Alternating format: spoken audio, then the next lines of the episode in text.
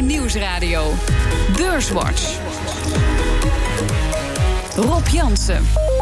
Welkom bij Beurswatch, het enige beleggingsprogramma op de Nederlandse radio met Ralf Wessels van ABN AMRO en Richard de Jong van Van Lieshout en Partners. Welkom.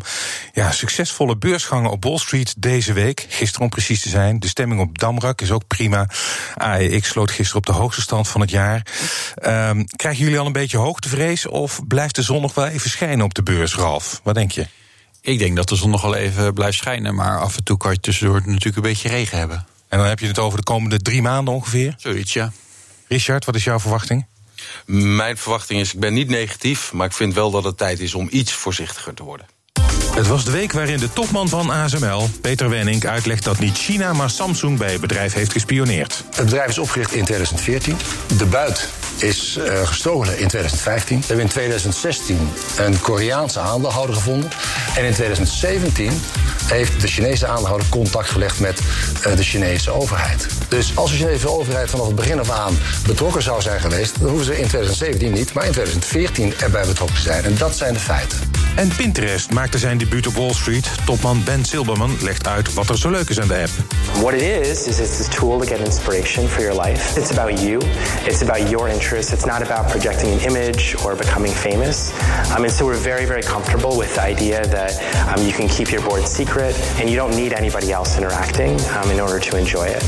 En het was de week waarin Trump tweette dat de beurs hoger zou staan als de Fed zijn werk beter zou doen. Hij zei dat ook al eens tegen de pers. Well, I personally think uh, the Fed should drop rates. I think they really slowed us down. There's no inflation. I would say, in terms of quantitative tightening, it should actually now be quantitative easing. Ja, de Fed uh, is slowing us down, zegt Trump hier over de Fed. Maar voor de wereldeconomie is minstens zo belangrijk wat zijn handelsbeleid is. En daarvan zou je ook wel kunnen zeggen: it's slowing the economy down. Uh, met China zou er een akkoord op handen zijn. Het lijkt er nu op dat de EU aan de beurt is. Die geeft ongeoorloofde staatssteun aan Airbus. Trump dreigt met importtarieven. De EU maakt nu een lijst met Amerikaanse vergoederen ter vergelding. Um, Ralf, hoe dreigend is die situatie in de relatie tussen de EU en de VS? Ik denk dat het wel meevalt. Uh, uiteindelijk uh, hebben Juncker en Trump, was dat vorig jaar? Of al zitten we, ja, volgens mij was dat vorig jaar met elkaar gesproken. Met in principe de intentie om alle tarieven van tafel te halen. Met uitzondering uh, ook dan wel van agrarische producten. daar is in die tussentijd helemaal niks nog van de grond gekomen. En dat zint Trump niet helemaal. en doordat agrarische producten buitengesteld zijn is die dus maar even gaan targeten. Uh, dus, daar, dus het gaat om kaas uit Nederland en dat soort zaken. Daar uh, heft hij dan, of wil hij een premie opheffen. Maar waarschijnlijk met als doel gewoon om dat ze aan de tafel gaan zitten en het serieus worden. Maar als je gewoon puur kijkt, Trump heeft gezien wat hij met China heeft gedaan, uh, wat dat doet met beurzen.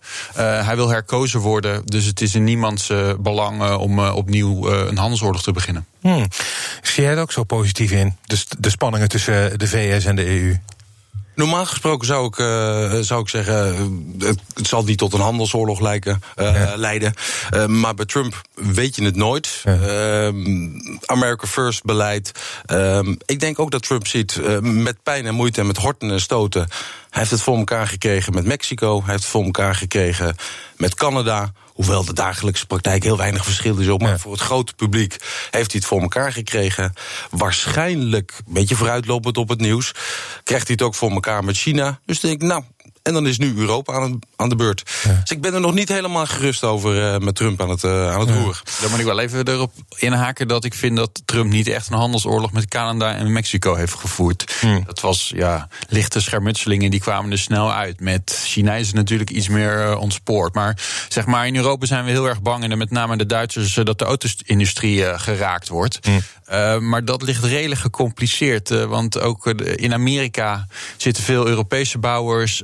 En als dat te hard wordt geraakt, dan voelt Amerika, de Amerikaanse auto-industrie dat ook. Dus het is niet zo, dat is niet eenrichtingsverkeer. Dus daar moet Trump mee uitkijken. Ja, um, laten we even inzoomen op de Chinese economie. Uh, daar werd deze week bekend dat de groei in het eerste kwartaal beter was dan verwacht. Autoverkopen gaat nog steeds beroerd, maar consumenten schijnen toch meer uh, uit te geven. Uh, Richard, denk jij dat dat het begin is van breder herstel? Daar lijkt het wel op. Kijk, je ziet elke keer als de Chinese economie in een dip komt of in een dipje komt dat er extra gestimuleerd wordt uh, door de overheid. Schulden bij het bedrijfsleven beginnen wel enorm hard te stijgen. Maar je ziet ook dat heel die economie aan een transitiefase bezig is. Eigenlijk gaat het, moet het meer naar een soort Amerikaans model uh, worden dat investeringen minder belangrijk worden en dat het draait om consumentenbestedingen. Nou, je ziet nu, hoewel je de cijfers met een korrel zout moet nemen, dat de consumentenbestedingen in China inderdaad toe beginnen te nemen.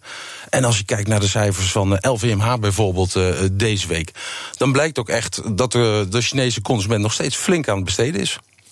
Ben je ook, uh, denk je ook dat, er, uh, dat het voorlopig wel ja, structureel beter zal gaan met China, Ralf? Nou, als je, als je naar een wat langere trend kijkt, gaat de groei gewoon omlaag. Uh, maar dat is logisch, want je wordt steeds groter, dus is het moeilijker om harder uh, te blijven groeien. Maar dat was gewoon goed. En uh, wij hebben zelf voor dit jaar 6,3% groei in de verwachting opgeschreven. Hmm. Maar daar beginnen we wat langzaam aan te twijfelen of dat misschien naar boven moet worden bijgesteld. Wat wel, wat wel grappig is om te melden, dat wat Richard zegt, dat die data van China, dat is allemaal niet zo betrouwbaar. Maar Bloomberg houdt dus ook zeg maar BBP-data bij. en die kwamen op maart uit uh, op maandbasis. Uh, of op de maand maart moet ik zeggen, op 7,92 procent. Dus bijna hm. 8 procent. Uh, en dat is het hoogste sinds december 2012. Dus vanuit hm. die optiek, China is aan het stimuleren. Wat wij vooral zeggen, en dat stimuleren zit vooral lagere BTW, dus die de consument raakt. Uh, maar dat die effecten voornamelijk in de tweede helft van dit jaar uh, effect zullen hebben. En hm. dat dat mede zal helpen om de wereldeconomie wat vooruit te helpen. Hmm. Ja, we zullen het zien. Ik ben, en als je nou kijkt naar Chinese aandelen, zullen die dan ook verder gaan stijgen, denk je? Nou, wij, wij zijn in onze portefeuille, zowel een obligatieportefeuille als, als de aandelenportefeuille, positief over opkomende markten. Daar zitten we al een, een tijdje in. Um, ja, dus wij gaan ervan uit dat het nog gewoon het goed blijft doen. Maar er zit nog een gek in. Zo, ja, ja. Um, het komt ook nog eens een keer bij dat gewicht van China in, in, in de gebruikelijke indices wereldwijd zal alleen maar toenemen. Waardoor beleggers die de benchmark volgen, die de index volgen. Uh, automatisch gedwongen worden die aandelen op te nemen. Hm. Ja, maar je moet, dat klopt. Uh, dat is zeg maar een lange termijn trend. Wat natuurlijk wel uh, zo is dat als je, als je kijkt naar Chinese bedrijven dan, en, en je kijkt naar de cyclus, dan is het ook zo dat ja, het, het, het, uh, het financiële systeem of uh, China, Chinese bedrijven, de beurs is erbij gebaat opkomende markten als de Fed het rustig aandoet. En het feit wat net in het begin werd gezegd over Trump, dat als de Fed uh, het, het, rustiger aan had gedaan, dan was, had de beurs hoger staan. Nou, ik geloof dat de beurs voor een heel groot deel hoger staat, omdat de Fed eind 2018 en januari 2019 180 graden gedraaid is. Ja. Um, China was uh, ook in Nederland in het uh, nieuws en dan in verband met ASML. Uh, volgens berichten in de media zouden Chinezen hebben gespioneerd bij uh, het bedrijf. Topman Wenning ontkent dat. Dat hoorden we aan het begin van de uitzending. Richard, heb jij daar vertrouwen in? Of denk jij dat. Want het is natuurlijk, ASML is een bedrijf wat bij uitstek interesse heeft, denk ik, van een land als China. Nou, dat denk ik ook. Uh, maar de uh, ASML die begeeft zich natuurlijk in een uh, in spagaat. Enerzijds ben ik ervan van overtuigd dat de Chinese overheid of daarvan wist of het heeft gestimuleerd. Maar de Chinese overheid en de Chinese ondernemingen al daar zijn ook hele belangrijke klanten van ASML. Dus ASML kan het zich ook niet permitteren om er met gestrekt been in te gaan. want dan raken ze ook weer een deel van de omzet kwijt, ja. wellicht. Uh, maar als je kijkt naar andere bedrijven die ook hier uh, last van hebben gehad. Tesla, hele grote techbedrijven in Amerika, Micron. Hm. Uh, daar waren ook sterke vermoedens, bewijzen kun je het waarschijnlijk nooit, maar sterke vermoedens dat de Chinese overheid ervan op de hoogte was. Hm. Ja, ik ben het er niet helemaal mee eens. Want? Omdat het, nou, het is gebeurd bij een uh, Amerikaans onderdeel uh, van ASML. Ja, Silicon Valley, hè? Ja, dus dat is maar een kleinere unit. Uh, het is niet alleen door Chinezen, het is door medewerkers gedaan die, erop, die op winstbejag waren. Het is waarschijnlijk om het door te verkopen. En dan hebben meerdere nationaliteiten, waaronder Chinezen, aan, aan meegeholpen. Hmm. dus ja, maar het is wel naar een Chinese En het is ook heel oud nieuws, hè? Ja. Wat een jaar later eigenlijk failliet ging. Maar het was wel een Chinese onderneming waar ze het aan verkocht hebben. Ja, uh, ja maar dus dat doet bij mij de, deze... toch de vraag reizen of het, uh, ja. of het allemaal eerlijk is gespeeld. Deze week ging de uh, verdenking uit naar Samsung. Ja, dus... dat is inmiddels ook weer ontkracht. Want dat is ook een klant van, van ASML, geloof ik. en dus Wenning heeft nu ook alweer ontkracht dat Samsung erachter zit. Um, Jij zegt het is een oude zaak. Beleggers uh, zijn er ook wel een beetje ontevreden over. Daar heeft hij ook zijn excuus voor gemaakt. Het is wel heel laat naar buiten gekomen. Ja, maar niet uh, afgelopen twee weken. Ze hebben het volgens mij in de rapportage eind vorig jaar. Ik heb het gelezen, ik weet het niet 100%, maar volgens mij hebben ze het eind vorig jaar gerapporteerd ergens. Ja. Nou, um, het, uh, ik denk dat de, de, de verhouding tussen bedrijfsleven uh, en China uh, nog wel vaker ter sprake zal komen. We hebben natuurlijk ook met, met Huawei. ja, Huawei. Maar dat is natuurlijk wel wat Richard net zegt: van ja, Chinese bedrijven komen meer in de index. De due, due diligence, dus dat we allemaal de regeltjes volgen, dat is natuurlijk wel een serieus probleem nog in China. Ja. En daar moeten die bedrijven echt een slag in gaan maken. Wil je voor internationale bedrijven interessant zijn om, om in te beleggen? Zometeen dan praten we verder over beurs en economie, onder andere over de cijfers van ASML en over de beursgang van Pinterest en Zoom. BNR Nieuwsradio. BNR Beurswatch. We bespreken de belangrijkste beursontwikkelingen van deze week. Dat doe ik met Ralf Wessels van ABN AMRO en Richard de Jong van Van Lieshout en Partners. Maar eerst maken we even de balans op van afgelopen week. De AEX die sloot gisteren op 569,6 punten. Dat is 1,4 procent hoger dan vorige week. Stijgers. De drie grootste stijgers. Op 1 ArcelorMittal steeg deze week met 4,9 procent. Op 2 Alberts Industries met een plus van 4,8 procent.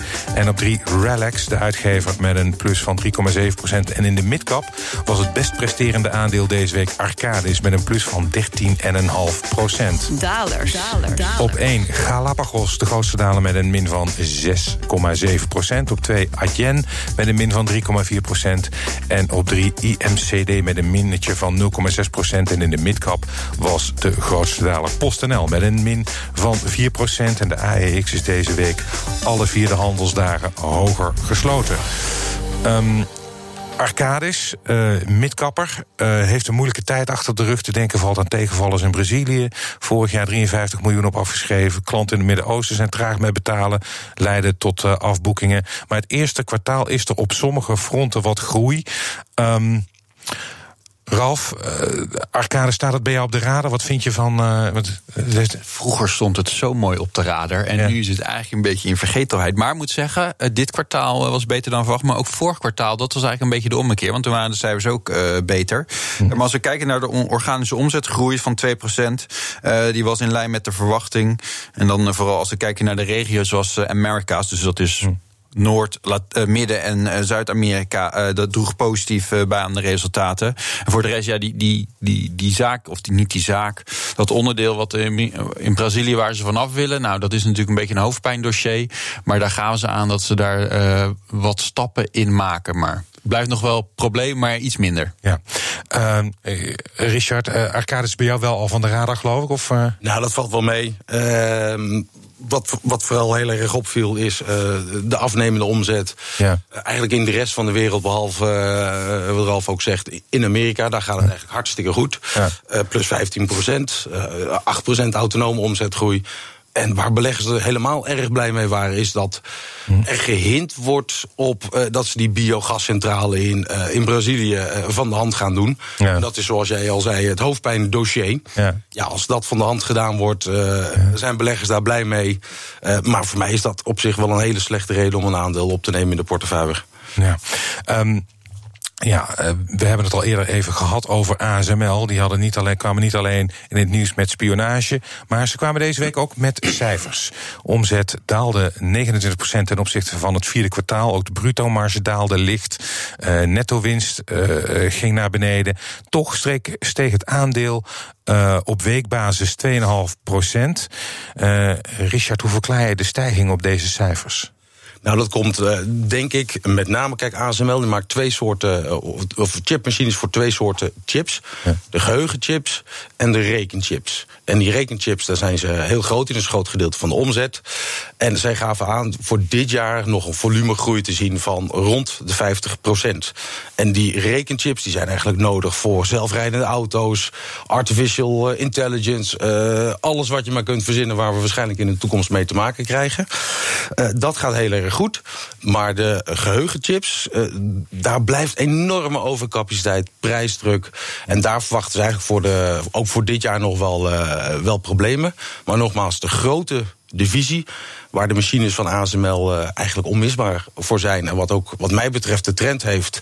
Uh, ja, dat ziet er gewoon uh, degelijk uit. En daar waren beleggers eigenlijk wel een beetje opgelucht over. Vond jij het ook degelijk, Ralf? Nou, de cijfers waren gewoon goed. De vooruitzichten voor het tweede kwartaal uh, vielen tegen. Uh, of zaten in ieder geval aan de onderkant van de consensus. maar ja, het was mooi dat ASML gewoon vasthield aan zijn hele jaren vooruitzichten. En als het dan gaat om die, die nieuwe technologie van het ultraviolet, die EUV. ja, daar, daar moet eigenlijk de bulk. Ze willen er 30 dit jaar verschepen. dit kwartaal was het er één meer dan verwacht op 4. Volgend kwartaal 6. Nou, dan komen er nog 20 in de tweede helft. Dus dat houdt beleggers, daar houden ze beleggers zich aan vast. Maar het was wel opvallend dat ze, ze herhaalden hun vooruitzichten voor het jaar. Maar ze zeiden dat op de korte termijn nog wel wat volatiel kon zijn. Dus er kwam een, een, lichte, een lichte opmerking bij. Ja. Uh, maar ja, het laat zien dat die, die branche, ja, die heeft het natuurlijk even lastiger gehad. Maar als je puur kijkt, en dat is wel interessant, die semis uh, op de beurs, die spuiten omhoog. Hè, en dat zijn natuurlijk wel voorlopende indicatoren. Hmm.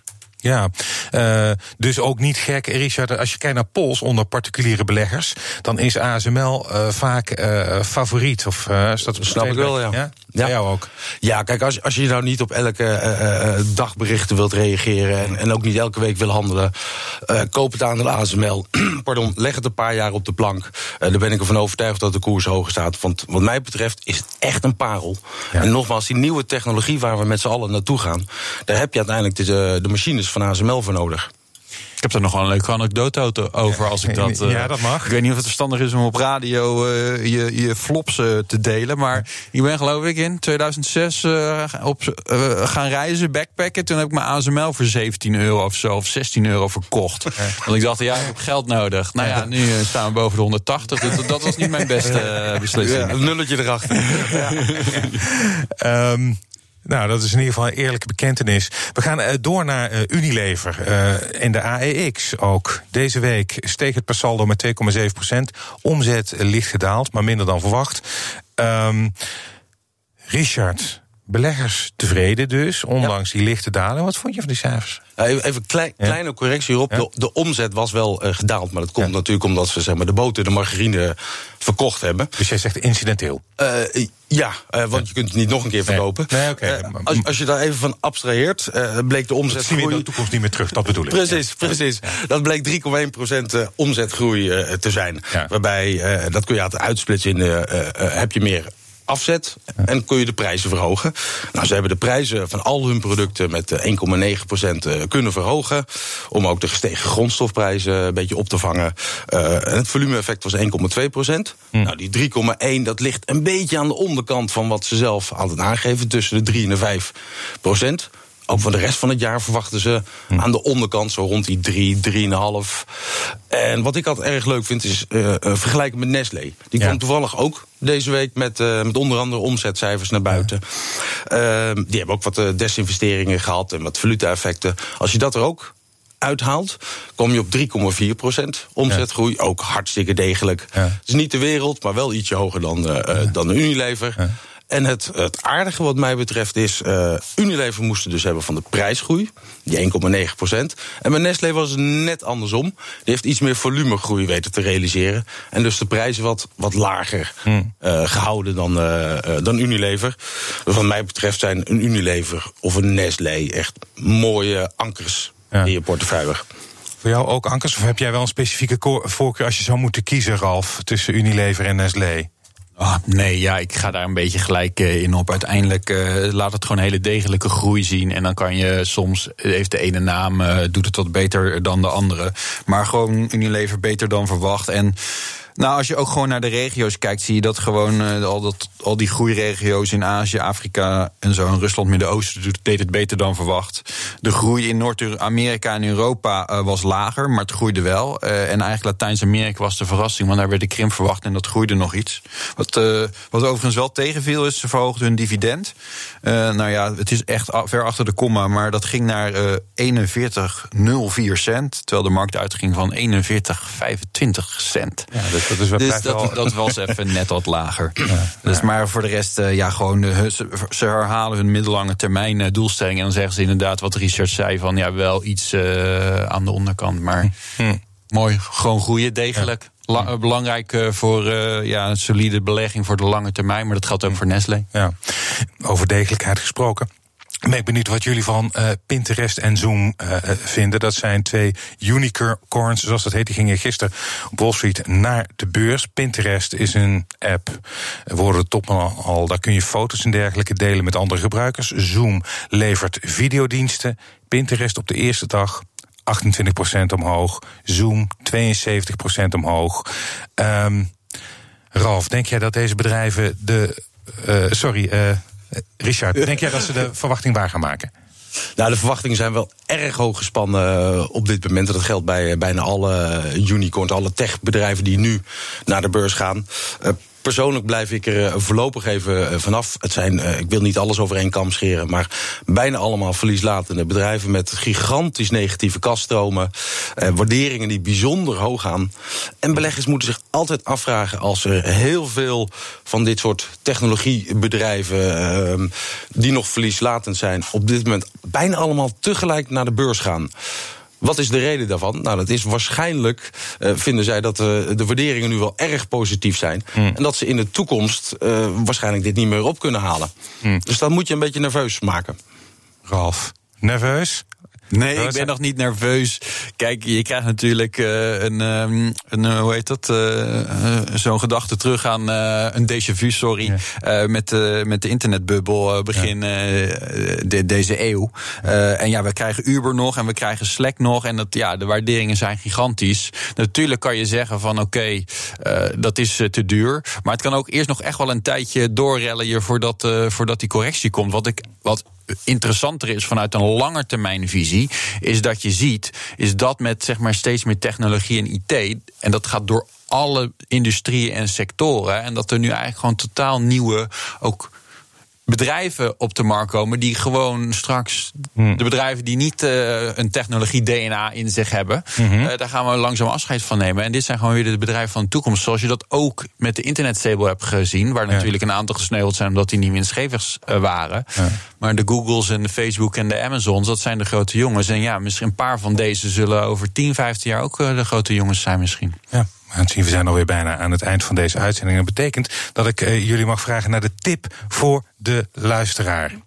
Richard, wat is jouw tip voor de luisteraar? Nou, zoals ik in het begin van de uitzending al zei, het is geen tijd om negatief te worden, wat mij betreft. Maar wel tijd om uh, iets voorzichtiger te worden. Uh, de economie is al wereldwijd al bijna tien jaar aan het groeien.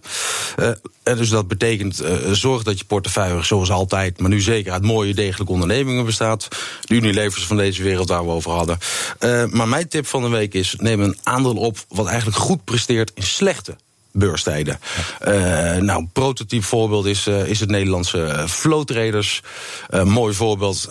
afgelopen kwartaal beurzen daalden met dik 10%. Flow Traders steeg met 10%. En deze market maker verdient geld. Hoe onrustiger het is op de beurs, hoe meer omzet zij behalen. Ze zitten ook nog eens een keer in de groeimarkt. Steeds meer beleggers gaan trekkers kopen. Ja. En zij zijn een market maker met trekkers. Ja. Dus tezamen met al zijn onrust komt, uh, verdienen zij meer, uh, meer geld, zal de omzet toenemen. En heb je ook een aandeel in je portefeuille uh, wat goed presteert als de beurs eens een keertje negatief zal zijn. Flow traders voor jou. Ralf, wat is jouw tip voor de luisteraar? Nou ja, ik verwacht nog niet dat de volatiliteit hard omhoog gaat. En een bull market never dies of old age.